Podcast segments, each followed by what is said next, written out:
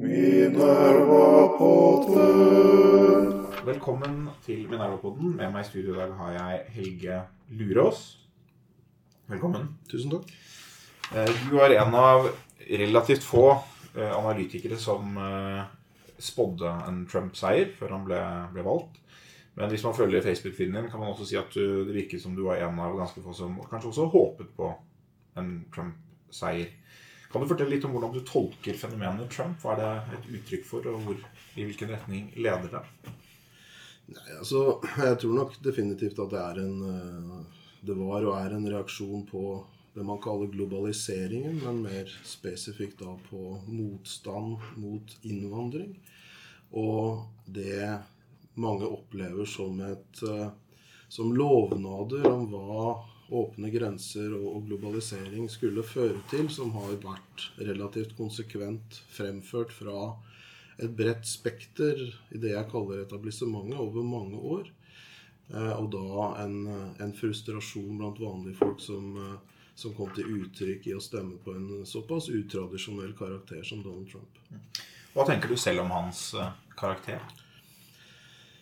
Jeg er litt usikker. Eh, Det er vanskelig å si med personer du aldri har eh, møtt selv.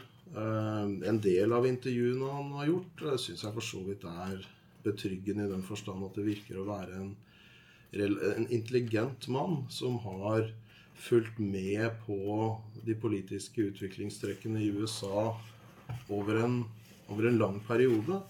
Og som i hvert fall har vært i stand til å selv fange de tendensene som er dypere ned i befolkningen. Men jeg er nok litt mer bekymra for hva dybden i hans egne analyser er. eh, Og, og noe av den spontaniteten som han utviser, som kan vise seg å bli et problem etter hvert i presidentrollen. Ja, Vi kjenner ham jo ikke personlig, noen av oss, men man, man føler av og til at man kan se dypt inn i en eh, mannssjel når han titrer så mye så sent på kvelden. Eller på natten, så får man jo ofte et inntrykk. Eh, Noen av disse tweetene og forstått andre uttalelsene er jo også Da tenker jeg ikke bare på karakter og spontanitet, men noe av hva de, hva de sier om hans syn på, på samfunnet og på, på samfunnskontrakten. Altså at han har gått til eh, angrep på, på rettsvesenet, vil mange si, blant dem meg. Eh, når han f.eks. har kalt en av disse dommerne som har slått ned eh, innreiseforbudet hans, så han kalte en so-called judge. Han sier at selv åttendeklassinger burde klart å skjønne dette. Altså det, er, det er en form for konfrontasjon mellom statsmaktene som vi som, det, det finnes selvfølgelig noen lignende eksempler her og der, men, men han konsentrerer en sånn angrep mellom eh, Eller en konflikt mellom statsmaktene som vi ikke har vært vitne til, og som på mange måter er eh, en utfordring mot vår modell. Hva tenker du om den type ting? Så jeg, jeg tenker at den er på en måte helt nødvendig. For hvis du skal ha endring, og, og radikal endring, og, og hva skal jeg si føre USA og det vestlige samfunnet i en ny retning, så er du nødt til å ta for deg de institusjonene hvor den etablerte makten sitter. Eh, og, og ingen bør sånn sett være eh, heva fra og over og bli utsatt for kritikk. For i disse institusjonene så sitter det enkeltpersoner, og det sitter personer som har på en måte mottatt en, en, en, en særlig ideologi, og som viderefører den ideologien. Eh, sånn at eh, de individene som sitter inkludert i rettssystemet, må eh, kan ikke være unntatt eh, kritikk når det er såpass radikale endringer som i hvert fall Donald Trump har tatt i orde for, og som vel sannsynligvis kanskje drives fram av andre personer enn Donald Trump selv, men hvor det er jo et eh, relativt omfattende angrep på det etablerte mønsteret, og da må du ta for deg de institusjonene som eh, i størst mulig grad hva skal jeg si, målbærer og også håndhever og viderefører det paradigmet som man nå utfører. Vi har snakket litt om dette. Radikal endring, sier du. Altså, dette er jo når det kommer til en konservativ, eh, konservativ avis. Og vi er jo ikke så glad i ord som radikal endring. Jeg Vi er glad i forandre for å bevare og skrittvis endring og den type ting. Eh, Men dette er et interessant punkt, fordi det er jo på mange måter det han gjør. Det er, det er eh, mange av, han, av hans krets bruker den type uttrykk. Vi trenger radikale endringer, Rykket opp med roten. Steve Bannon, som fremstår som sjefsideologen, bruker også den type retorikk. Samtidig som det iblant fremstiller seg som konservative, at vi må bevare vestlig kulturarv eller, eller Vestens sivilisasjon mot barbari, eller hva det er, hvis det er knyttet til islam. Eh, Eller andre typer ting. Eh, Og det her er det en motsetning som, som man må på det bore i. Altså det å være så bekymret for eh, innvandring med en konservativ begrunnelse, fordi det endrer vårt samfunn som vi kjenner det, endrer normene i samfunnet, den type ting. Samtidig som man er helt ubekymret for å skrote de institusjonene som har definert vårt samfunn i mange hundre år. Ser du, ser du noen motsetninger der? Nei, altså potensielt, men du kan si altså de, de altså Det som er kritikken her mot de såkalt konservative, er, ikke at de, er jo at de ikke har vært konservative nok. eller altså De har simpelthen ikke klart å bevare samfunnet i sine mest fundamentale eh, forhold. Og hvor da denne hva skal jeg si, eh, opprørsbevegelsen, som for så vidt eh, på et, på et vis identifiserer seg med og er også konservative, sier at her må vi simpelthen gå mer radikalt til verks i å være konservative. Vi må faktisk på en måte stå for det eh, som det, det, konservative instinktet tilsier. Og da er vi i hvert fall nødt til å ta tak i innvandringen. For her får vi da inn elementer som kommer utenfra, som ikke kommer til å bli som oss eller som det som var. Sånn at med innvandring så kommer det forandring. Og de konservative som er for innvandring, kan knapt da kalle seg konservative. Ja, altså det, det, er en lang diskusjon, og jeg, jeg skal ikke frata noen rett til å kalle seg konservativ. Jeg er for innvandring eller, eller noe annet. Men eh, jeg ønsker jo også å redusere innvandringen, f.eks. Og da, jeg tenker et sentralt spørsmål for konservative er hvordan gjør vi det samtidig som vi bevarer de institusjonene vi har? Dvs. Si, man kan godt identifisere her er det regelverk og konvensjoner og forskjellige som vi ser at burde tilpasses. Og da må man likevel stille spørsmålet hvilke verdier var det som var forankret i de institusjonene, som vi eventuelt vil ta med oss videre. Det er det naturlige utgangspunktet ikke sant? for en konservativ. Og så kan man si så kan man komme i en situasjon hvor man sier hele det bestående er pill råttent og må vekk. Men, Det er en situasjon hvor det på en måte ikke er mulig å være konservativ. Å være konservativ betyr omtrent at man vil viderebringe de gode sidene ved samfunnet. Og Hvis det ikke er noe godt å bevare, så, så er det ikke riktig å være konservativ. Det kan man si, ikke sant? At, nei, vi kan ikke være konservative. Vi må være radikale. Vi må ha revolusjon fordi det bestående har feilet. Men er vi der? Nei, og det, jeg, jeg, mener ikke vi er der hvor alt må bort, og at alt er pill råttent. I hvert fall mitt eget utgangspunkt er jo dette ligger i den si, spesielle ideologien, eller det, det selvbildet som utvikla seg etter andre verdenskrig, og som har ført til en, en, en, veldig skyldtung og, og, defensiv eh, innstilling i, i vestlige samfunn, som spesielt da kolliderer når du får en relativt sånn selvhevdende og dominant kultur som islam, som står imot det. Eh, og det er jo litt det at hva skal jeg si, denne, hva skal jeg si, disse også liberale og menneskevennlige, nestekjærlige elementene av vestlig kultur som har, som har vokst fram etter, etter andre verdenskrig, de er jo gode, fine verdier å ha, men de eh, fungerer jo da mest best når man møter tilsvarende oppdratte, utdannede og sosialiserte individer. Og det er ikke en sånn grunnleggende um, allmenntilstand i mennesket eller menneskenaturen eller menneskeheten at det blir på den måten. Så det, For min del i hvert fall så handler det om å, å tilpasse og justere utdannings- og oppdragelse- og sosialiseringssystemet vårt, sånn at de personene som kommer inn i de institusjonene, og med den maktfordelings- og checks and balances vi har der, som er vel verdt å bevare, opptrer på en annen måte. Opptrer på en måte som gjør at den gode kulturen vi har, faktisk kan videreføres. Hvordan det er med de personene rundt Donald Trump, det kan jeg ikke si for sikkert, men ut fra det jeg i hvert fall har klart, og, og, det inntrykket jeg har klart å skape meg av Steve Bannon, så tror jeg ikke det skiller seg så veldig fra det som er eh, den oppfatningen han og andre har. Dette handler ikke om å rive vekk alle de institusjonene og alt det som er deler av vestlig kultur, men det handler om å finne praktiske, ikke-utopiske måter å videreføre det på. Mm. Men det, det, jeg tenker at det er eh, Hvis vi ser på noen av disse For du sier vi må kritisere de institusjonene hvor det er ting, og de individene som, som er inni dem. Det, og det er jeg jo helt enig i. altså Dommere kan selvfølgelig ikke være unntatt fra kritikk. Men jeg tror en forskjell mellom, eh, mellom deg og meg kanskje og Bannon og, og, andre typer konservative, da, som f.eks. David Frum eller David Brooks eller eh, den type kritikere av Trump i, i USA, er at man ser noen av de tingene som angripes, som veldig fundamentale. For, som du sier, Det er ingen selvfølge at mennesker er gode og snille, og at samfunnet styres godt.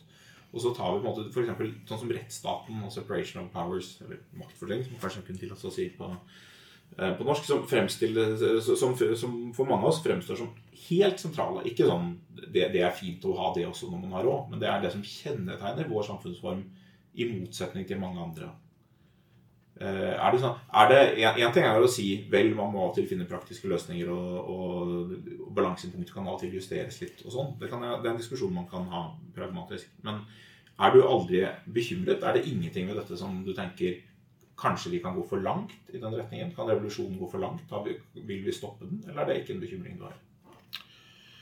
Jo, uh, altså ikke altså Jeg tror for så vidt ikke at den innenrikspolitiske forandringen kan gå for langt. Fordi jeg tror jeg si, de etablerte kreftene er så sterke at det vil være begrensa hva hva, hva, hva, Trump og, og, og hans si, kompaner kan, kan, få til. Men eh, det er klart når det gjelder utenriks- og, og, sikkerhetspolitikken og geopolitikken, så er det jo selvfølgelig en viss grunn til å være bekymra for, eh, for hva som kan komme til å skje. For det, der er det nok sånn at, at Trump med de, den tilnærmingen han har, vil skal si, endre på en del av de faste mønstrene som har, som har satt seg, og vil provosere fram en del motreaksjoner.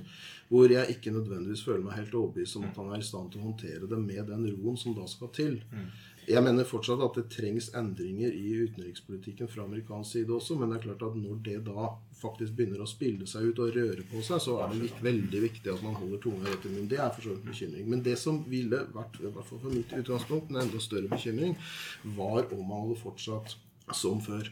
For den reaksjonen som du kanskje er litt ute etter å snakke om, det er jo den hva skal jeg si, den skal jeg si, selvhevdende motreaksjonen som jeg forventer vil komme, og som allerede er i ferd med å komme fra de befolkningene som er motstandere av innvandring. Um, og da har man jo snakka om også i forhold til Trump med disse hva man kaller fascistiske trekk, eller uh, white supremacist-trekk uh, osv. Og, så og det er klart at med tanke på hvor multietniske samfunnet i Vesten har blitt nå. Så hvis man får gruppekonflikter basert på det, så kan det bli stygt. Men løsningen er ikke da, etter min oppfatning, mer innvandring, sånn at gruppene simpelthen som eh, til slutt da kanskje går i tottene på hverandre, er så store. Men det er å bevare en rimelig trygg og, og selvsikker majoritetskultur som ikke får disse defensive, paranoide motreaksjonene. Jeg tenkte vi skulle snakke litt om, eh, om Russland siden du tok opp utenrikspolitikk. Men la oss ta dette med innvandring og islam eh, litt først. Eh, USA er jo en litt annen type politisk system fordi det er topartisystem, som man har litt binære valg ofte å, å, forholde seg til. Men i Norge så er jo dette altså Innvandring har vært en stor En av de største politiske diskusjonene vi har hatt, i hvert fall i 15 år. Eh, og det har etter hvert avtegnet seg et, et, spektrum med tilnærminger eh, og med, med holdninger. Og så er, det, så er, det, noen rammer for hvilke valg man kan ta, f.eks. i form av konvensjoner og sånn, som gjør at få av partiene har veldig radikale eh, program. Men, men det, er en, det, er en, viktig diskusjon som vi har på en måte fortløpende. Eh, det jeg lurer på av og til med de som eh, de, de, som tenker at Trump er en akseptabel eller god løsning på dette, det er hvis innvandringen er for rask, så er det åpenbart et stort problem. Vi får åpenbart store spenninger. Hvis de spenningene kommer uansett, så er det, er det bedre at uh, fenomenet er mer begrenset enn om det, at det er større. Det er åpenbart. Uh, samtidig som det er noe med tilnærmingen som ikke bare handler om sånn vi bør prøve av hensyn til samfunnsrollen å begrense dette, uh, men man, det er også at man egger opp til en konflikt. For meg så ser det ut som det er to det er to ting som virker ulogisk. Man burde ikke, Hvis man mener det er viktig å bevare samfunnsharmonien eh, og samfunnsmodellen, så burde man ikke gått i konflikt. Eh, men det gir mye mer mening hvis man først og fremst er ute etter å være en islamkritiker eller, eller muslimhater, som også fins i disse miljøene. For da tenker du om forholdet mellom, mellom, det, mellom å bevare roen på den ene siden og den veldig aggressive retorikken som kjennetegner mange av de motstandsbevegelsene. Så dette er jo en dilemma, fordi hvis man ikke snakker om innvandring som et problem eller som en fare, så vil man heller ikke skape den, hva skal jeg si, det meningsproblemet som gjør, ja, problemforståelsen som gjør at man er i stand til å begrense det. Samtidig som du jo selvfølgelig har rett i det at eh, med tanke på at det allerede har kommet mange innvandrere, så vil det skape integreringsproblemer å snakke, å snakke om det som et problem. Men jeg mener at vi har tilstrekkelig nå erfaring med at å ikke snakke om det fører simpelthen til at innvandringen blir så stor at man ikke hva skal jeg si, er i stand til å da motvirke den effekten. Så vi er, vi, er, nødt til å snakke om problemet mer realistisk, men med en rolig stemme. Mm. For det, det som også har vært inntil nå, det er at dette feltet har da vært dominert av de mer det jeg kaller instinktive kreftene. Og de menneskene som ikke er i stand til å snakke om det på en rolig og eh, hva skal jeg si, nyansert måte. Og hvor man i større grad trenger at da mer intellektuelt skolerte mennesker faktisk står fram og sier det jeg mener mange av dem faktisk mener, men som har holdt tilbake av ulike grunner nå i mange år. Men opplever du at du, du, eh, alltid er god nok på, den, på, å holde den roen? Eller i hvert fall hvis man ser på din Facebook-side. En ting er noen av de tingene du skriver selv, men kommentarfeltene der er jo Der er det mange som også er opptatt av Nå må vi kunne snakke om at rase betyr noe, at svarte mennesker er, ikke burde komme til Norge, at de er dummere og den type ting. Altså det er sånn det er, man, det er, mulig å diskutere innvandringstakten uten å måtte diskutere det på den måten. Eller tenker du at det er Ja, altså, absolutt. Si sånn. si, jeg påstår vel ikke at jeg har funnet noe eh, perfekt balanse på min, min Facebook-side når det gjelder eh, kommentarene, men min, min hva skal jeg si, min, min innstilling inntil, inntil, videre i hvert fall er at vi må prøve å inkludere så mange mennesker som mulig i den debatten som foregår. Og at også de som da si, tilhører en form for meningselite, og som si, er vant til å uttrykke seg i en mer akademisk diskurs, mm. at de kan på en måte operere i det samme kommentarfeltet som de menneskene som har veldig sånne hva skal jeg si lite nyanserte og, og, for så vidt fordømmende eh, og, og ikke altfor alt, eh, si, velartikulerte begrunnelser for det de eh, står for, men som også uttrykker seg, tror jeg, i veldig stor grad ut fra en frustrasjon som de føler om at disse temaene ikke blir diskutert av de som kanskje er mer vant til å debattere, og som eh, er, er i stand til å artikulere seg bedre. Det er et argument som, som uh mange har fremført eh, over noe tid, og som jeg er enig i. At vi må finne måter å inkludere eh, mennesker som er veldig urolige eh, i samfunnsdebatten på. Ellers så vil den uroen finne andre utløp. Men det som er ofte et problem når den type ting diskuteres, at de som ligger til rette for den type diskusjoner hvor man får med veldig mye uro, får den ofte bare fra én side. Altså det er på mange måter skulle man trengt at i ditt kommentarfelt så fikk du flere vitnesbyrd f.eks. fra norske muslimer som beskriver hvordan de opplever den debatten når den skjer. Hvordan de opplever eh, terrorangrepet i Canada for to uker siden. Altså at man, får, at man får også se det, den siden av Norge. For den er ikke så veldig godt representert nødvendigvis der hvor de diskusjonene foregår. Det blir jo sånne altså, ekkokamre både her og der, så er ikke det et særegent ekkokammer. Men ser du det? Er det noe som man Absolutt. Vi kan si på, på, på Facebook-siden min så er jo alle velkommen. Så lenge det ikke er hva skal jeg si, personsjikane og helt sånn åpenbar, helt unødvendig eh, rasisme som blir, som blir, sagt, så prøver jeg å unngå å måtte liksom sjalte folk ut. Og så lenge de holder seg så noenlunde til den saken som er i tråden, så alle er jo velkommen til å diskutere der. Og at de ikke har, men, men det er som du sier, også har en tendens til å bli ekkokamre, og, og, folk eh, søker seg gjerne til hva skal jeg si, meningsfelt hvor det er mer sympati å finne for ens egne standpunkter. Det er jo et, et, et, et generelt problem. Eh, men jeg vil bare oppfordre alle med motargumenter til å komme til, og det har det jo vært under disse Trump-sakene. Og det er jo gjerne de jeg responderer på selv, de som faktisk er direkte uenige, mens jeg lar de andre tingene mer stå for sin egen regning. La meg utfordre deg litt til på, på, dette. for Jeg var, jeg eh, leste litt inn på siden eh, i sted. og Der var det, hadde du repostet en karikatur med et sitat tillagt Thor Goebbels Eriksen. Det har jo vært en, en, eh, et diskusjonstema lenge at meningseliten, hvis man skal bruke det ordet, ofte har kalt folk for rasister og fascister og sånn når de mm. har sagt gale ting. Eh, man ser ganske mye name-calling andre veien. Eh, er, det, er det klokt å reposte Tor Goebbels Eriksen? Ja, jeg tror Tor Gjermund Eriksen er, er, er, er, på en måte tilstrekkelig høyt oppe i hierarkiet til at han både tåler det og selv kan kanskje se humoren i det. det så det hadde vært på en måte noe som hadde vært postert mot noen som ikke kunne ta til motmæle, eller som hadde mye mindre makt, så ville jeg for så vidt eh, så ville jeg behandla det på en helt annen måte. Men min bekymring er ikke Tor eh, Gjermund Eriksen. Han tåler dette helt sikkert. Det burde, det burde han i hvert fall. Men, men, eh, mange av de som leser på siden din, har jo på en måte et bilde av etablissementet som, som gjennomkorrupt, som undertrykkende. og det er ikke noe Én ting er å si det er problemer i etablissementet. Vi trenger å gjøre endringer. Men hvis man på en måte pisker opp en stemning hvor, hvor det fremstår som så korrupt at det som vi snakket om, liksom, på en måte skal alt rives ned eller ikke og Det kommer an på hvor sterkt hatet er. Så er det selvfølgelig, du kan si fra et sånn politisk, taktisk perspektiv, så er det alltid, så er alltid nyttig med noe sinne ikke sant, for å få til endring. Denne diskusjonen har med venstresiden. Det er veldig nyttig å, å være rasende på kapitalistene hvis du vil ha revolusjon.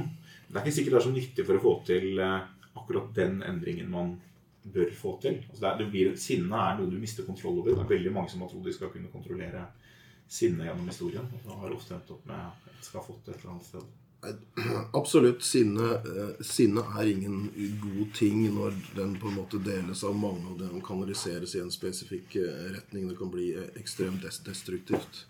Eh, men jeg, opplever vel ikke at det er at, at, si, Facebook-siden min og, og det kommentarfeltet er fryktelig eh, hva skal jeg si, dominert av sinne. Snarere tvert imot. Jeg, jeg, tror mange av de som kanskje ut, som, som, en del av de som kommenterer der, kommenterer enda skarpere og, og mer emosjonelt andre steder enn de faktisk gjør på, på Facebook-siden min. Og det andre er at jeg mener ikke først og fremst at, at, at eliten, et etablissementet, er korrupt. Uh, altså jeg tror min, Mitt synspunkt her er at veldig mange av de som si, er i dette, si, dette sjiktet, meningseliten, etablissementet, de mener reelt sett det de sier, og det de står for. Uh, de, de, de tror at det de gjør, vil bidra til noe godt. Eh, og min analyse er jo mer at de, de legger feilaktige forutsetninger til grunn. Både når det gjelder individuelle psykologiske prosesser og også sosiale prosesser. Sånn at hvis de hadde på en måte blitt gjort klar over konsekvensen av det de selv har tatt til orde for, så vil de faktisk endre oppfatning. Dette handler for, selvfølgelig For noen så er det pragmatiske hensyn i forhold til sin egne si, økonomiske og personlige og karrieremessige vinning. Men for veldig mange så, det dette, så, så tror man genuint på det. Og der mener jeg at kanskje litt sånn jeg ser det, at jeg kan spille en rolle i å prøve å forklare de menneskene som ellers er sinte, hva som rent faktisk foregår i, i eliten. Fordi at vanlige folk har en tendens til å tro at det er en konspirasjon mot dem. De tror at det sitter en gruppe mennesker på elitenivået og hva skal jeg si, nærmest ler av massene og snakker sammen om hvordan de skal manipulere og lure dem. Det er ikke mitt inntrykk etter mange mange år i hva skal jeg si, å vake rundt i disse miljøene og sett dette på innsiden. så oppfatter jeg det mye mer som inkompetanse og manglende kunnskap og feilaktige forutsetninger som legges til grunn. Og det tror jeg faktisk gir roe ned en del av disse proteststemmene hvis de faktisk blir fortalte. La, la meg gi en enda mer post, mulig positiv fremstilling av eliten enn eh, en bare inkompetent. Som selvfølgelig er bedre enn en korrupt, absolutt. Men eh, jeg tror mange av oss opplever vel at en del, en del av disse politikkområdene som innvandring er fylt med en del dilemmaer og så forsøker man å finne en balanse. Og det er jo noe som vil endre seg over tid. For at det er, det er større grunn til å ha en stram innvandringspolitikk i dag, fordi tilstramningen i fravær av en stram innvandringspolitikk ville vært større enn det var i 1972.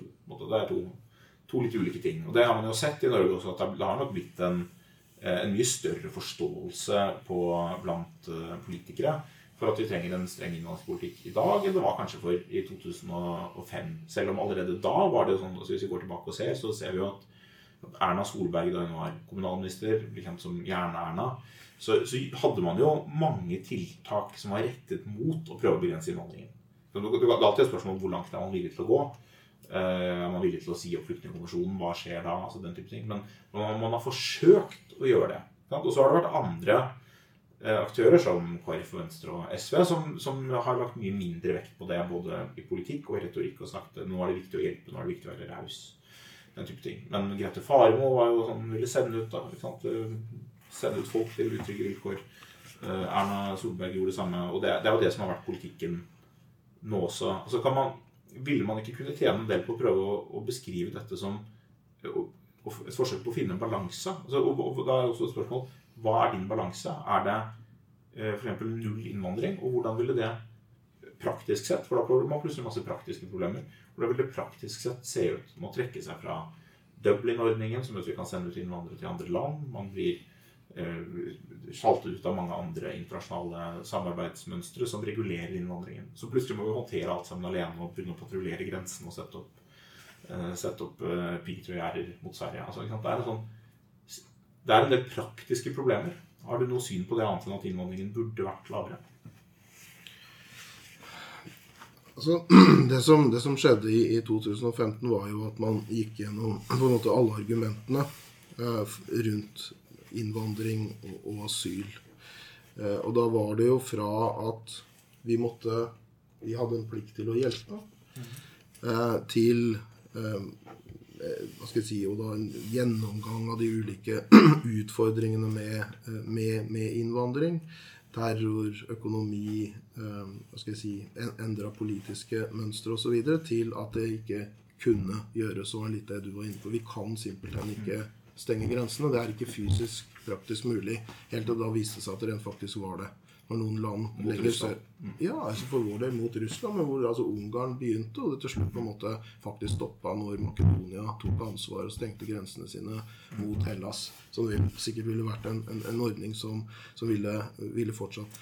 Altså det, det kommer an på hvor alvorlig vi anser problemet å være. Det er klart at vi kan sette opp gjerder hvis det er nødvendig. Så er Men da er det mot Sverige. Da må man måtte si det. Da må Ja. folk skjønne hva det er man sier. ikke sant? Altså Hvis du skal selge inn dette Det er noe med ærlighet i politikken å gjøre. For det er klart at Makedonia og Hellas der kan det settes som en grense. Det er land som har relativt lite samkvem og ikke er så veldig gode venner i, i utgangspunktet. Eh, Men hvis Norge, altså hvis no, de nordmennene som sier vi må gjøre noe eh, altså Hvis man skal ville resultatet, må man ville midlene. Da må man være ærlig på hva er middelet. Jo, det er faktisk en, et piggtrådgjerde hele veien mot Sverige. Jeg tror ikke det. For Nei, nei, men da må altså, være. Poenget er er at disse, disse, disse gjerdene kan settes opp, og de har jo allerede blitt satt opp andre steder. Nå har også Tyrkia bygd et gjerde mot Syria. Og det var jo det som var hva skal jeg si, noe av kritikken for eksempel, som kom fra min side også, når det gjaldt og da, altså, det presset som var mot å bombe Gaddafi i 2011, så var det jo at vi, vi hadde kanskje en fordel av å ha et visst si, samarbeidsforhold med disse landene, hvor disse si, flyktningene eller migrantene må komme gjennom før de kommer til oss. For oss, for vår del, for, også for å si, videreføre vårt eget selvbilde mest mulig. Som er et godt selvbilde å ha. Nestekjærlig, fint selvbilde, så er det selvfølgelig kynisk sett best for oss at de grensene og de gjerdene blir satt opp så langt fra våre egne områder som overhodet mulig. Og skulle vi nå komme i den situasjonen at det grensegjerdet faktisk må settes opp i, i forhold til Sverige, så er vi eksistensielt trua, så vil jeg også ta til orde for det. Men er vi det er, vi er ikke der Nei, og da må man si det, mener jeg da. Nå, La oss gå over på geopolitikken. Vi var innom Russland, og det ble nevnt her, Libya. La oss snakke litt om Russland, for du har Vi hadde et intervju med, med Ulf Leirstein eh, i Minerva ganske nylig, hvor han sa vi får en tryggere verden hvis Putin og Trump gjør, gjør felles front mot vår tids største trussel, nemlig islamistene. Eh, og, og det tenkte jeg, det hørtes ut som noe som man har lest hos eh, Helge Lurås. Kjenner du deg igjen i det? Ja, jeg har vel ikke brukt så direkte det faktum at man skal, man skal si, gå i samarbeid mot islamistene. Jeg, jeg har grunnleggende sett ikke noe tro på at vi kan kjempe oss militært ut av disse utfordringene med islam. Men det viktigste argumentet for meg i, i forhold til USA og, og Russland, det er at det er først og fremst den amerikanske den amerikanske ekspansive politikken som i veldig stor grad siden den kalde krigen har vært eh, ført fra USA gjennom et temmelig motvillig Europa inn mot Russlands områder. Hvor de sikkerhetsutfordringene og den hva skal jeg si, motreaksjonen som har kommet fra russisk side mot de europeiske nasjonene, er en konsekvens av den, eh, hva skal jeg si, driv, den drivende ekspansive amerikanske politikken. Og hvis den roer seg ned, så vil også hva skal jeg si, alt man si- annet like forholdet mellom Vest-Europa og Russland bli mindre spent. Og det er i Europas interesse. Så det er akkurat det forholdet med, mellom Russland og USA, eller at Trump tok til orde for et bedre forhold med, eh, med Russland, var en av de viktigste grunnene for at jeg mente at en Trump-seier var bra for Norge. Dette er jo en Jeg har jo jobbet på som du er, er jo det med Russlands spørsmål. Jeg har bodd i Russland eh, mange ganger. Og det er, dette er jo en, en, en diskusjon som går i russlandsmiljøet, hvor det måtte finnes to syn på hva som driver russisk politikk. Hvor jeg har eh, en veldig annerledes analyse enn deg. da. Så Jeg bodde i Russland rundt år 2000 og fulgte eh, diskusjonen om eh, Nato-utvidelser og, og sånn ganske tett. Og mitt inntrykk er jo et helt annet. Jeg lurer på du, hva som er din åpning for det. Og det er at Russlands Kall det mer sånn aggressiv eh, nasjonalisme. eh, Mer autokratiske tendenser som vokste frem etter hvert. Ikke springer ut av en reaksjon på Europa overhodet.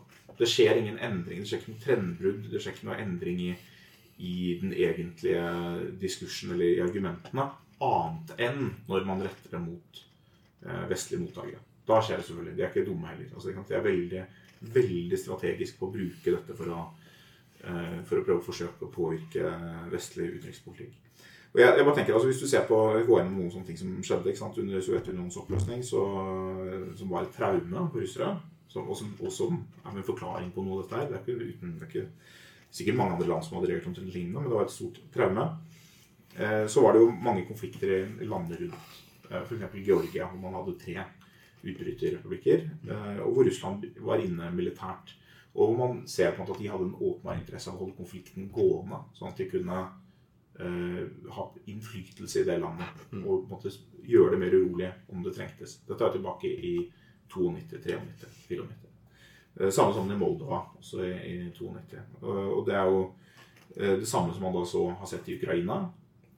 Og er en modell som og som man har sett tendenser til i Baltikum.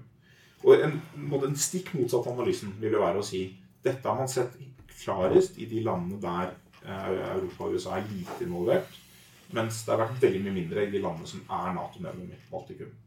Baltikum har vært rolig. Det er store russiske minoriteter med til dels eh, konfliktfylte forhold eh, og mange potensielle utfordringer. har vært relativt rolig. Russland har visst at det går ikke.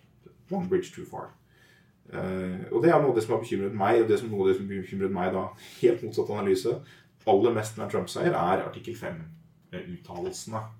Altså Natos gjensidige forpliktelser til å forsvare folk, hvor han har sagt, kommet med liksom sleivete uttalelser om at ja, hvis de, har, de, skal forsvare dem hvis de har gjort sånn som de burde, og hvis de har betalt, og hvis de har vært snille mm. uh, ellers. Uh, og hvor Newt Gingrich, som er en har vært en rådgiver av noe slag for, for, Trump, sa liksom om Estland ja, vi må skjønne at Estland er en forstad til St. Petersburg. Mm. Uh, og da ser man for seg at det trenger ikke å være noe, det er ikke sånn at Putin trenger å sitte med en ond eh, liksom, mesterplan for å uh, invadere kontinentet. Det skal jo ikke mer til enn at uh, Narva, som er grensebyen på estisk side mellom Estland og Russland, stort russisk flertall, enn at noen der begynner å demonstrere. Det blir opptøyer, det kommer litt ut av kontroll, noen blir skutt. Og så kan man stille spørsmålet uten å gjøre det som en anklage mot Putin heller. 20 russiske statsborgere drept i Narva. Skal man gjøre ingenting? Mm. Uh, og det er måte den utfordringen jeg ser. At du får alle kreftene som ønsker at det skal skje et eller annet, de mm. kan bli mer selvsikre på å gå den veien. Og Vi så også i Ukraina uh, nå at striden blusset opp de siste ukene. Etter at Trump overtok, har det blusset opp på begge sider. Mm.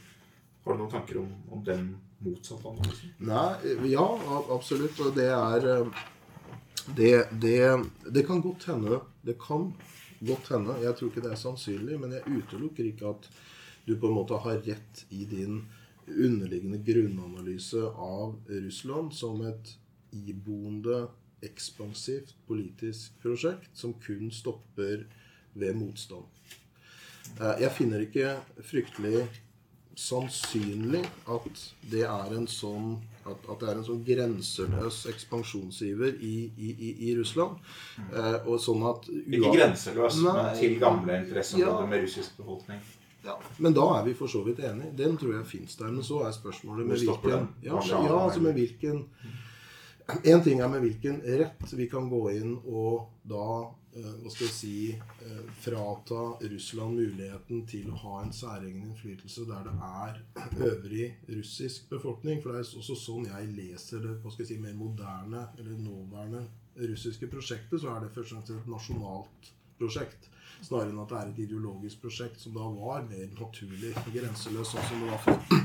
Men da er jo situasjonen for de andre europeiske landene, inkludert Norge, som ikke har disse russiske minoritetene, er jo da hvor mye skal vi på en måte sette på spill for å stoppe Russlands særegen, Russlands krav om innflytelsesvære der det er russere.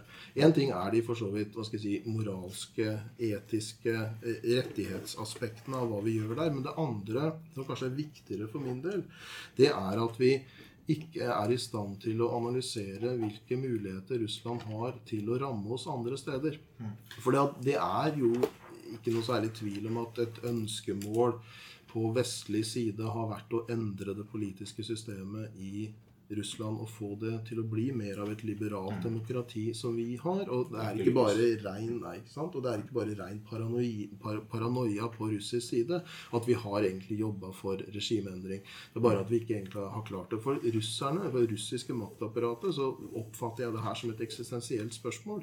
Og med tanke også på hva skal jeg si, den realpolitiske tendensen i, i, i Russlands politikk, så ser de på hele kartet de hvor de kan ramme oss. Og da mener jeg at det er som vi for så vidt ser nå, i, i, forbindelse med cyberangrep og den type ting. Eller du kan ta et område som Balkan, hvor russerne har veldig store muligheter, hvis de virkelig ser seg selv som eksistensielt trua, til å ramme oss. Og det har vi på en måte sett bort ifra. Og det var jo også et argument som jeg har sagt tidligere i forhold til denne dimensjonen mellom Vest-Europa og USA. Vi må huske på det når vi er med USA på denne kampanjen mot Russland, er at USA har mye mer fleksibilitet.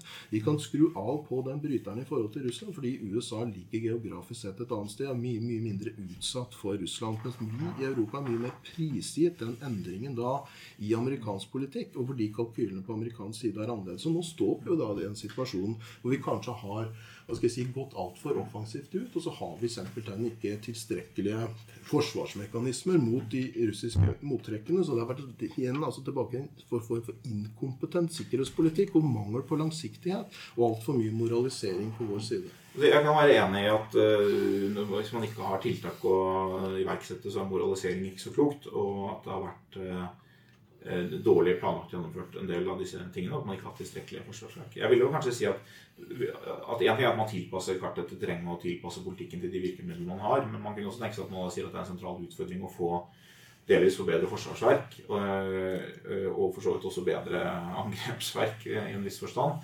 Du, du, du sier at, det, at, Russland er ikke en grenseløs ekspansjonistisk stat, og det tror jeg er riktig. Altså, det er ikke noe, ikke noe, drøm om å erobre Europa eller noe sånt, og det har det for så vidt heller eh, egentlig aldri vært. Ikke egentlig heller i sovjettiden, selv om man hadde mer offensive ambisjoner.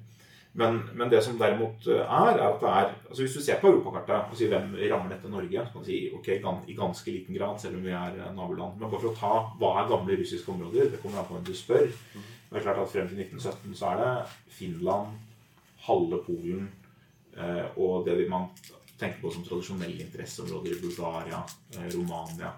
Eh, og eventuelt som troens forsvarer på Baltikum. Så det er, det er, ganske store områder Nei, unnskyld, på Balkan. Altså i, i, Serbia. Så det er den ene siden. Og vi, vi ser jo, vi snakker om disse cyberangrepene som vi har sett i, i USA og andre land, antagelig, eh, som tar sikte på å endre politikk. Og det gjør, det gjør man ikke bare fordi man vil endre europeisk politikk i Ukraina, eller eventuelt forsøke å reversere Nato-medlemskap eh, i Baltikum. Man, man, gjør det jo fordi man har et bredt spekter med interesseforskjeller, hvor man ser seg mer tjent med én kandidat enn en annen, og så ser man at det fungerer. Dette kan vi gjøre, vi kan gjøre det ganske ustraffet. Og jeg tenker, og det viser jo på en måte noe av problemet. At hvis vi ikke har en sterk vestlig tilstedeværelse eh, i Baltikum, Polen, Bulgaria kan Selvfølgelig kan si ideelt sett Ukraina, så kan jeg med en gang si det er vi, vi, har ikke midlene, og da vil vi ikke midlene, så, så får vi finne et annet mål. Eh, så vi, vi, kan ikke liksom gjøre noe med det uten videre. Men har, det er ikke noen heldig situasjon for oss at Russland har denne type politisk påvirkning i det som griper ganske dypt inn i det europeiske prosjektet. Hadde det bare vært Estland, så kunne man sagt vel, vi er kyniske realpolitikere, vi kan ikke redde Estland. Eh, men, men, det er vanskelig å se for seg at det europeiske statssystemet både forblir upåvirket av eh, en videreføring eller en, opptrapping av dagens russiske linje i Baltikum, Ukraina, Polen, Bulgaria, Romania, eh, Balkan. Det er sånn samarbeid med mulig nå Uh, hacking Vi vet ikke ennå, men Wikileaks har kommet med hacking i Frankrike. Uh, vi må vente og se det samme i Nederland. Altså, dette er ganske alvorlige fundamentale utfordringer. Kanskje vel så store som islam for mange av våre institusjoner. Ja, det, det, det, det syns jeg vel kanskje ikke. Men altså igjen jeg, jeg, tror, jeg, tror, ikke vi skal Jeg tror ikke vi skal overvurdere hvilken innflytelse Russland har politisk i Vest-Europa eller USA. For min del så ser dette ut til å være på en måte litt sånn blåst ut av sine proporsjoner, og en unnskyldning og noe som har vært kjørt fram i, i etterspillet av den, av den, amerikanske valgkampen, hvor det har vært forsøk på å nærmest unnskylde tapet til Hillary Clinton med russisk innblanding. Altså I hovedsak så dreier dette seg her om eh, interne politiske strømninger i i Europa og i USA, hvor, hvor, hvor, det jo ikke er sånn at hva skal jeg si, kritikere til vårt system her hjemme, f.eks. meg selv inkludert, er betalte russiske agenter. Dette er faktisk ja, ja, mulig ja. å komme og tenke disse tingene. De flytter ikke, noen... de flytter ikke fjell, men da, de kan drysse litt grus. Ja, ja, ja, det, det, kan de nok. Og absolutt, eh, så lenge de på en måte prioriterer ressursene sine og setter dem inn, så kan de absolutt gjøre en viss forskjell eh, her og der. Men, men så er det igjen det, det, er jo en type påvirkning som vi utsettes for i en globalisert verden. Og det er jo en type eh, påvirkning som vi også ønsker å gjøre, og rent faktisk gjør i andre land. Vi ønsker jo ikke at Putin skal vinne valget, og vi gjør det vi kan for å støtte opp under opposisjonsgrupper, inkludert det statene våre gjør. Vi har jo interesse av hvilke myndigheter som finnes i et annet land, og det vil også Russland ha. Og at de heller ønsker Trump enn Clinton, det ser jeg som ganske naturlig. Mm. Det er ganske naturlig, men dette er litt interessant, for det er vanligvis vil realpolitikere eh, måtte ikke sette den type sånn gjensidighetsnormer. En ting er at vi ikke skal være overrasket over at Russland gjør dette her. Det er det selvfølgelig ingen grunn til å være overhodet. Det er ikke noe poeng å ha en sånn grunnleggende moralsk fordømmelse at dette er eh, liksom, nå har helvete steget opp på jorden og sånn. Eh, men, men, det er mer en vanlig grunntanke for både alle lands politikk eh, generelt, men kanskje også vestlig utenrikspolitikk spesielt, har vært at eh, vi setter andre regler for oss selv. Altså vi, vi, eller vi ønsker å gjøre dette, samtidig som vi ønsker å hindre andre i å gjøre det. Mm. Eh, og så har man varierende grad av gode begrunnelser for dette, men en av de gode, relativt gode begrunnelsene som kan fremføres overfor Russland, er å si at det er forskjell på å gi støtte til en demokratisk opposisjon og å prøve å manipulere et demokratisk valg. For eksempel. så Man må ikke være enig i det. Altså, det er den type begrunnelse som har kjørt frem. Og Enten man er enig i den idealistiske begrunnelsen eller ikke, så vil man jo tro at det er åpenbart i vår interesse eh, at Russland ikke påvirker vår politikk, selv om det går an å forstå hvorfor de gjør det. Er du ikke, ikke enig i det, sånn realpolitisk? Jo, hvis vi hadde fungert som et eh, Hva skal jeg si Hvis vi hadde fungert som som, hvis vi hadde fungert som nasjoner og stater som faktisk eh, ivaretok eh, Vi hadde politiske ledere som faktisk varetok interessene til våre egne innbyggere eh, på en god måte, og hvor andre stater da var i utgangspunktet motstandere eller fiender, så er det for så vidt riktig. Men det er jo en del av oss som mener at vi har ikke lenger noen politiske elite, altså de politiske elitene ivaretar ikke egne innbyggeres interesser. Det har også vært et av poengene til Donald Trump. Men de ivaretar en rekke andre hensyn. Eh, noen, I noen grad bare sine egne elitehensyn, men for min del i veldig stor grad verdiaspekter som innebærer et, et, fokus utover nasjonalstaten. Hvor det blir hvor hva skal jeg si, disse politiske enhetene som tidligere var innenfor, eh, innenfor nasjonalstatene, da ikke lenger opererer som de gjorde tidligere. Og da, da vil vi jo se disse alliansebygningene mellom hva skal jeg si, grupper i et land og grupper utenfor. Og det tror jeg nok er en del av de som nå hva skal jeg si, de som positive, var positivt innstilt til brexit og Donald Trump, de ser jo kanskje i den, den, den sterkere stats- og nasjonsmodellen i Russland som noe som bør overføres litt til Europa. Sånn at de ikke nødvendigvis ser den russiske på, påvirkning i sin helhet som negativ. Sånn at det der er det nok litt det at, at, at, det er en del som er litt nostalgiske i, i, i, Vesten i forhold til hvordan Russland har bevart denne tenkningen rundt nasjonale interesser. Men det, er ikke sånn at jeg ønsker velkommen russisk innflytelse. I prinsippet er jeg enig med det. Eh, men dette er, altså, La oss bare gå tilbake til, eh, til det du innledet med, motstand mot globaliseringen. Hvor eh, man da kan se på Russland som et nasjonalt orientert unntak. Selv om det selvfølgelig er påvirket mye av globalisering, det også. Men jeg synes det er litt interessant. Og det er klart at hvis du, hvis du bor i Pennsylvania eller West Virginia, så går det an å skjønne hvorfor folk får den opplevelsen. Men jeg synes det er like interessant. Altså, Norge er jo om noe globaliseringens store vinner de siste 30 årene. Og så kan man være bekymret for at vi også har hatt høy innvandring i den perioden. Men i øvrig så har vi tjent veldig godt på forutsigbart internasjonalt samarbeid, handel Vi har hatt en reallønnsutvikling for hele befolkningen, altså, som antagelig ikke finner eh, noe lignende i historien. Jeg vet ikke om andre eksempler hvor man har hatt så god lønnsutvikling for så mange grupper i så mange sammenhengende år. Uh, og likevel så får man på en måte importert på denne narrativen om at eliten har sviktet folket gjennom globaliseringen og ført krig mot sine egne innbyggere. Én ting ting er å si vi burde ha en klarere realpolitisk forankring, og vi må få kontroll over innvandringen. En annen ting er på en måte å importere hele denne narrativen om de globalistiske elitene som, eh, som nødvendigvis er på kollisjonskurs med folket. Altså, nå er vel hovedgrunnen til at Norge har gjort det så godt økonomisk, i tillegg til de institusjonene og den kulturen vi har hatt, er tilstedeværelsen av vesentlige naturressurser. Olje, gass, fisk, men spesielt olje og gass, som har gjort at Norge har kommet opp på det ekstremt høye nivået som det har.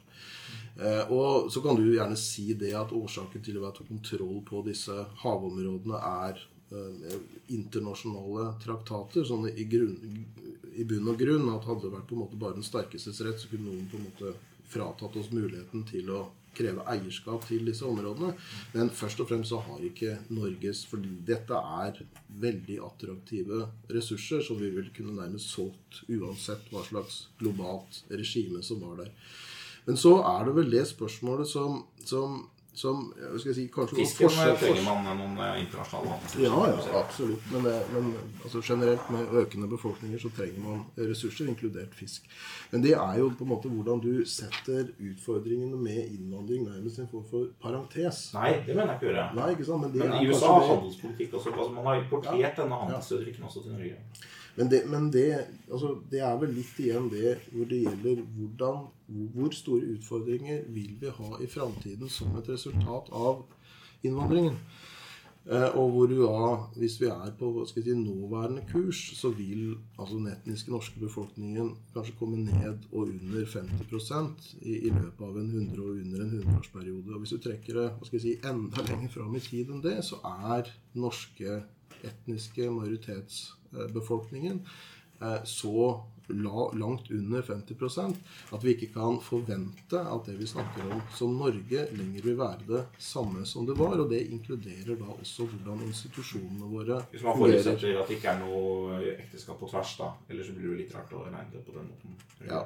Ja, ja, altså Men, det, men det, er, det, er, veldig lav grad av gifte ut i dag. Så er ikke, jeg sikker på det Nei, ikke sant, men, det, men er, man legger noen forutsetninger inn når man legger inn sånne tall. Ja, absolutt, men det er vel noen som viser seg å være relativt realistiske forutsetninger. Hvis du ser på Over syv generasjoner er det ikke så Ja, men også Hvis du ser på andre multietniske samfunn, da, et, et land som jeg kjenner godt, jeg har bodd i, og som fortsatt er i veldig ofte, Bosnia-Hercegovina, så har du jo der tre folkegrupper. De har jo sine splittelser internt, de også. I utgangspunktet med det samme språket, med det samme etniske, slaviske, sørslaviske utgangspunktet. Og der videreføres de etniske eh, gruppene over flere hundre år. Og det er ingen tendenser til at de smelter sammen, eller at antallet kryssekteskap er stort nok til at det blir en enhet. Og jeg tror når det gjelder si, en, den veldig fremmedkulturelle innvandringen, så er det, særlig når antallet er så stort som det er, sånn at man kan si, videreføre sine egne parallellsamfunn, så er det ikke noe grunn til å tro at bare det går noen generasjoner her, så kommer dette her til å smelte sammen til én en enhet, og den enheten kommer til å være basert på det som var den gamle norske kulturen. Og da snakker vi om et eksistensielt spørsmål. Og jeg mener at det i altfor liten grad blir diskutert, disse langsiktige konsekvensene, sånn at innvandringsutfordringene hva skal jeg si, blir bagatellisert. Ut ifra også at man da presenterer bare den positive siden med globaliseringen. Og det, det tror jeg er et helt fundamentalt spørsmål nå. Altså, jeg, jeg, eh, tror nok på den ene side at det, er, altså det finnes mange andre samfunn man har hatt mye større grad av eh, ekteskap på tvers. Eh, også når det gjelder både muslimer og det som er tilfellet i Bosnia, katolikker og protestanter. Eh, katolikker og, og ortodokse. USA er et eksempel på det. Men, men, men, man trenger ikke å ha så dystre antakelser for å mene at innvandringen kan ha ganske negative konsekvenser. Eh, men det er et sånt spørsmål på hvor eh, Jeg mener man skal ikke underdrive eh, hvor alvorlig utfordring innvandring er. Både fordi det om de demografiske endringene blir store nok, så påvirker politikken vår direkte. Men også fordi det påvirker politikken vår indirekte gjennom en del av disse reaksjonene som jeg kanskje er mer bekymret for enn deg. Av typen Trump Le Pen, Wilders, som er villig til å gjøre avkall på mye annet for å uh, bruke energien på å agitere mot islam og innvandring. Så da, det har ganske mange konsekvenser. Det er mange gode grunner til å få det, få det på et kontrollert nivå, og til å få det få det på et nivå som har eh, aksept og støtte i et bredt flertall i befolkningen. Det er, det er en viktig prioritering. Men jeg bare stusser litt, Du, du nevnte at, altså, man, man, søker den russiske modellen. som en, man ser noe positivt i den, den inspirasjonen, den sterke nasjonalstatsforankringen. For meg er det et sånt eksempel på at de institusjonene som gjør at våre samfunn tross alt er mer åpne, tross alt er noe mer positive til eh, en mer global verden, eh, og tross alt kanskje også er noe bedre forutsetning for ekteskap på tvers, det er at vi har en helt annen og mer åpen samfunnsmodell enn det Russland har. Og at Russland har Det nasjonalstatsfokuset ville ikke vært mulig uten den ganske sterke autoritære kulturen som, som Russland har. Det som skremmer meg litt, er at en del av de som ser dit hen, ser ikke ut til å være veldig avskrekket av det heller.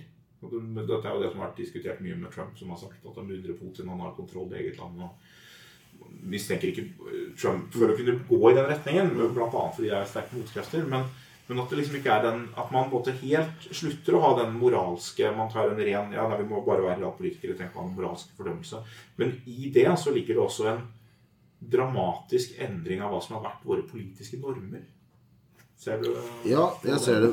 Bare kan ta en digresjon først. Altså, Russland er jo ikke det eneste si, eksempelet her på en, på en, kultur som fokuserer på nasjonalstaten. Det er kanskje i enda sterkere grad finner vi det i Øst-Asia, Kina, Japan. Altså, når, når altså, reise snakke med kinesere høyere opp i systemet, så er det jo hva skal jeg si, De kan ikke fatte hva europeerne gjør. Altså, De kaller jo oss hva skal jeg si, dumme. Hva, hva i alle dager er det vi driver med? som importerer denne, hva skal vi, som tar denne innvandringen i den, det omfanget hvor de er helt uten skam og skyldfølelse overhodet for at de ønsker å bevare sine homogene nasjoner og ser det som en styrke. Så det, er, det er, vi, som er, det er vi som er unntaket i verden. Det er ikke Russland. Det, det tror jeg også er viktig å være, på en måte ha klart for seg. Men når det gjelder det eh, Jeg tror det var veldig mange av de som ser til Russland og på en måte er litt nostalgiske i forhold til hva Russland representerer når det gjelder hva vi en gang var det er jo folk som også som da ser litt bort fra de negative konsekvensene som du har vært inne på, og de negative aspektene for også enkeltindividet, og, og, og ikke helt ser hvordan den ulike kulturen i Russland gjør at befolkningen nok er noe mindre, eller altså noe mer, har noe mer aksept for disse autoritære modellene enn vi har. Men så tror jeg også det er sånn at veldig mange av de som nå er kritikere til vårt eget system, de aksepterer ikke den selvbeskrivelsen som eliten gir av samfunnene våre som veldig frie, åpne, tolerante samfunn. For nettopp i utøvelsen av og kravet om toleranse, så er man ikke så er man intolerant i forhold til intoleransen. Og så kan du si at ja, men det er jo helt åpenbart at vi må være, men hva er det egentlig vi mener når vi snakker om intoleranse? Da snakker vi egentlig om diskriminering, om fordommer, om måter å se på grupper og se på eh, mennesker på basert på hvilke gruppering de tilhører. Og det er en måte å operere på i verden som er helt naturlig, og som alle mennesker gjør hele tiden. Så generaliserer vi, og dermed diskriminerer vi osv. Så sånn i forsøket på å drive gjennom det liberale samfunn, så blir vi illiberale. Og det er det mange som ser nå. at vi hva skal jeg si, muligheten for å uttrykke sine egentlige meninger og det folk oppfatter som frihet, det begrenses. Vi bruker dette uttrykket politisk korrekthet. Politisk korrekthet er hva skal jeg si, eh, sanksjonerte løgner som er ment å skulle helbrede samfunnet. Men i den, det prosjektet med å drive det gjennom, så kommer det et relativt autoritært system over på toppen. Mm. Og det tiltar i styrke. Og det hva skal jeg si, slo ut både når det gjaldt brexit og Trump, på den måten det gjorde. For folk opplever ikke lenger at det er frihet. Og det ser du igjen også litt på Facebook-veggen min, hvor folk liksom kommer ut og sier 'endelig kan jeg si det', eller 'endelig er det noen som sier det som er sant'. Dette har mange her i landet, det tror jeg du er ganske klar over, som ikke tør å snakke om sine egentlige meninger. Så vi er ikke den type samfunn som vi faktisk beskriver oss som. Men det var en utrolig Paus som hadde en sang eh, på tidlig 80-tall hvor han karikerte AKP-erne som, som, som kritiserte avhoppere fra Sovjetunionen og Polen og, og, sånne steder om at de hadde sikret kommunismen. hvor de, han svarte med sånn Vi har bedre kommunister i det landet jeg kommer fra.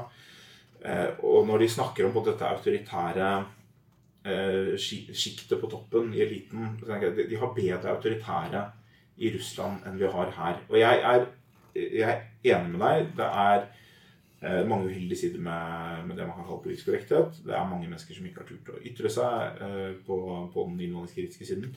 Det er det på den andre siden også, eh, for all del. Eh, men det er noe med den sammenligningen. altså Man, man sier se, se, hvordan de holdt på med brexit og Trump. altså der begge, Brexit ble, ble vant, og Trump vant.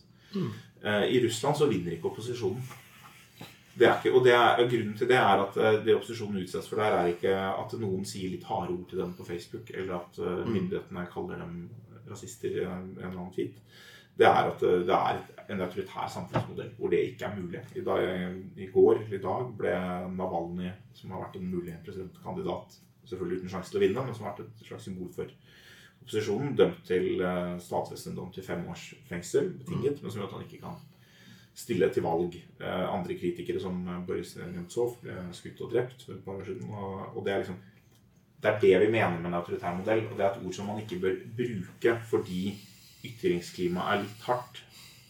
Ja, det, det, er mange, mange på, på, på, den siden av debatten som har en tendens til å fremstille samfunnet vårt som veldig feminisert og eh, ødelagt av 68-ernes do-gooder-tanker og sånn. Og det, det, kan man være enig i, men jeg tenker, er ikke liksom første krav at man ikke bare sutrer hele tiden?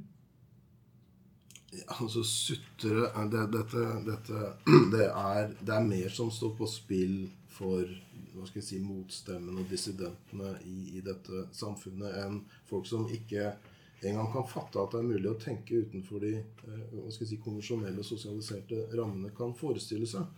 Eh, når man faktisk si, oppe, bruker mer hva kan sunn fornuft eller instinkter, hvor man ikke er så prega av den sosialiseringen og indoktrineringen som, som mange er, så føles det ganske beklemmende og, og, med ganske store konsekvenser for folk som ønsker å ta del i samfunnet og ikke kunne ytre seg i forhold til det de føler er veldig hva skal jeg si, naturlige ting. Men når det gjelder jeg, jeg, jeg, jeg er enig. Vi har veldig mange gode ting, og det jeg tror vi begge og de aller fleste her er, er enig i, det er at vi hva skal jeg si, i, klarer i, i, best mulig grad å, å, å, videreføre de gode trekkene ved samfunnet vårt. Og det som her spiller inn for en god del mennesker, tror jeg, det er faktisk at man så både brexit og Trump som en bekreftelse på at demokratiet fungerer. Og at det ga også hva skal jeg si, oss litt pusterom i forhold til at det var en god del mennesker, spesielt i USA, som hadde egentlig avfeid det, det, det, si, det politiske, demokratiske systemet. Fordi de trodde uansett at eliten ville stoppe enhver hva revolusjon unnenfra. Og jeg tror de kanskje vil måtte betenke seg litt, altså disse støttespillerne til Trump, når de ser at mannen får faktisk fortsette. Mannen blir ikke tatt av dage. Det politiske systemet fungerer faktisk sånn som det skulle, og inkludert også når det gjaldt Storbritannia og brexit. Ja, det blir faktisk brexit. Disse elitene sitter ikke og konspirerer sånn som befolkningen i veldig stor grad tror. Så får vi se om befolkningen uh, bruker sin demokratiske mulighet til å fjerne Trump ved neste korsvei. Men det, før den tid så er denne episoden av Mineralpoden slutt. Tusen takk til Helge Lurås i studio. Tusen takk til deg. Minerva-podden.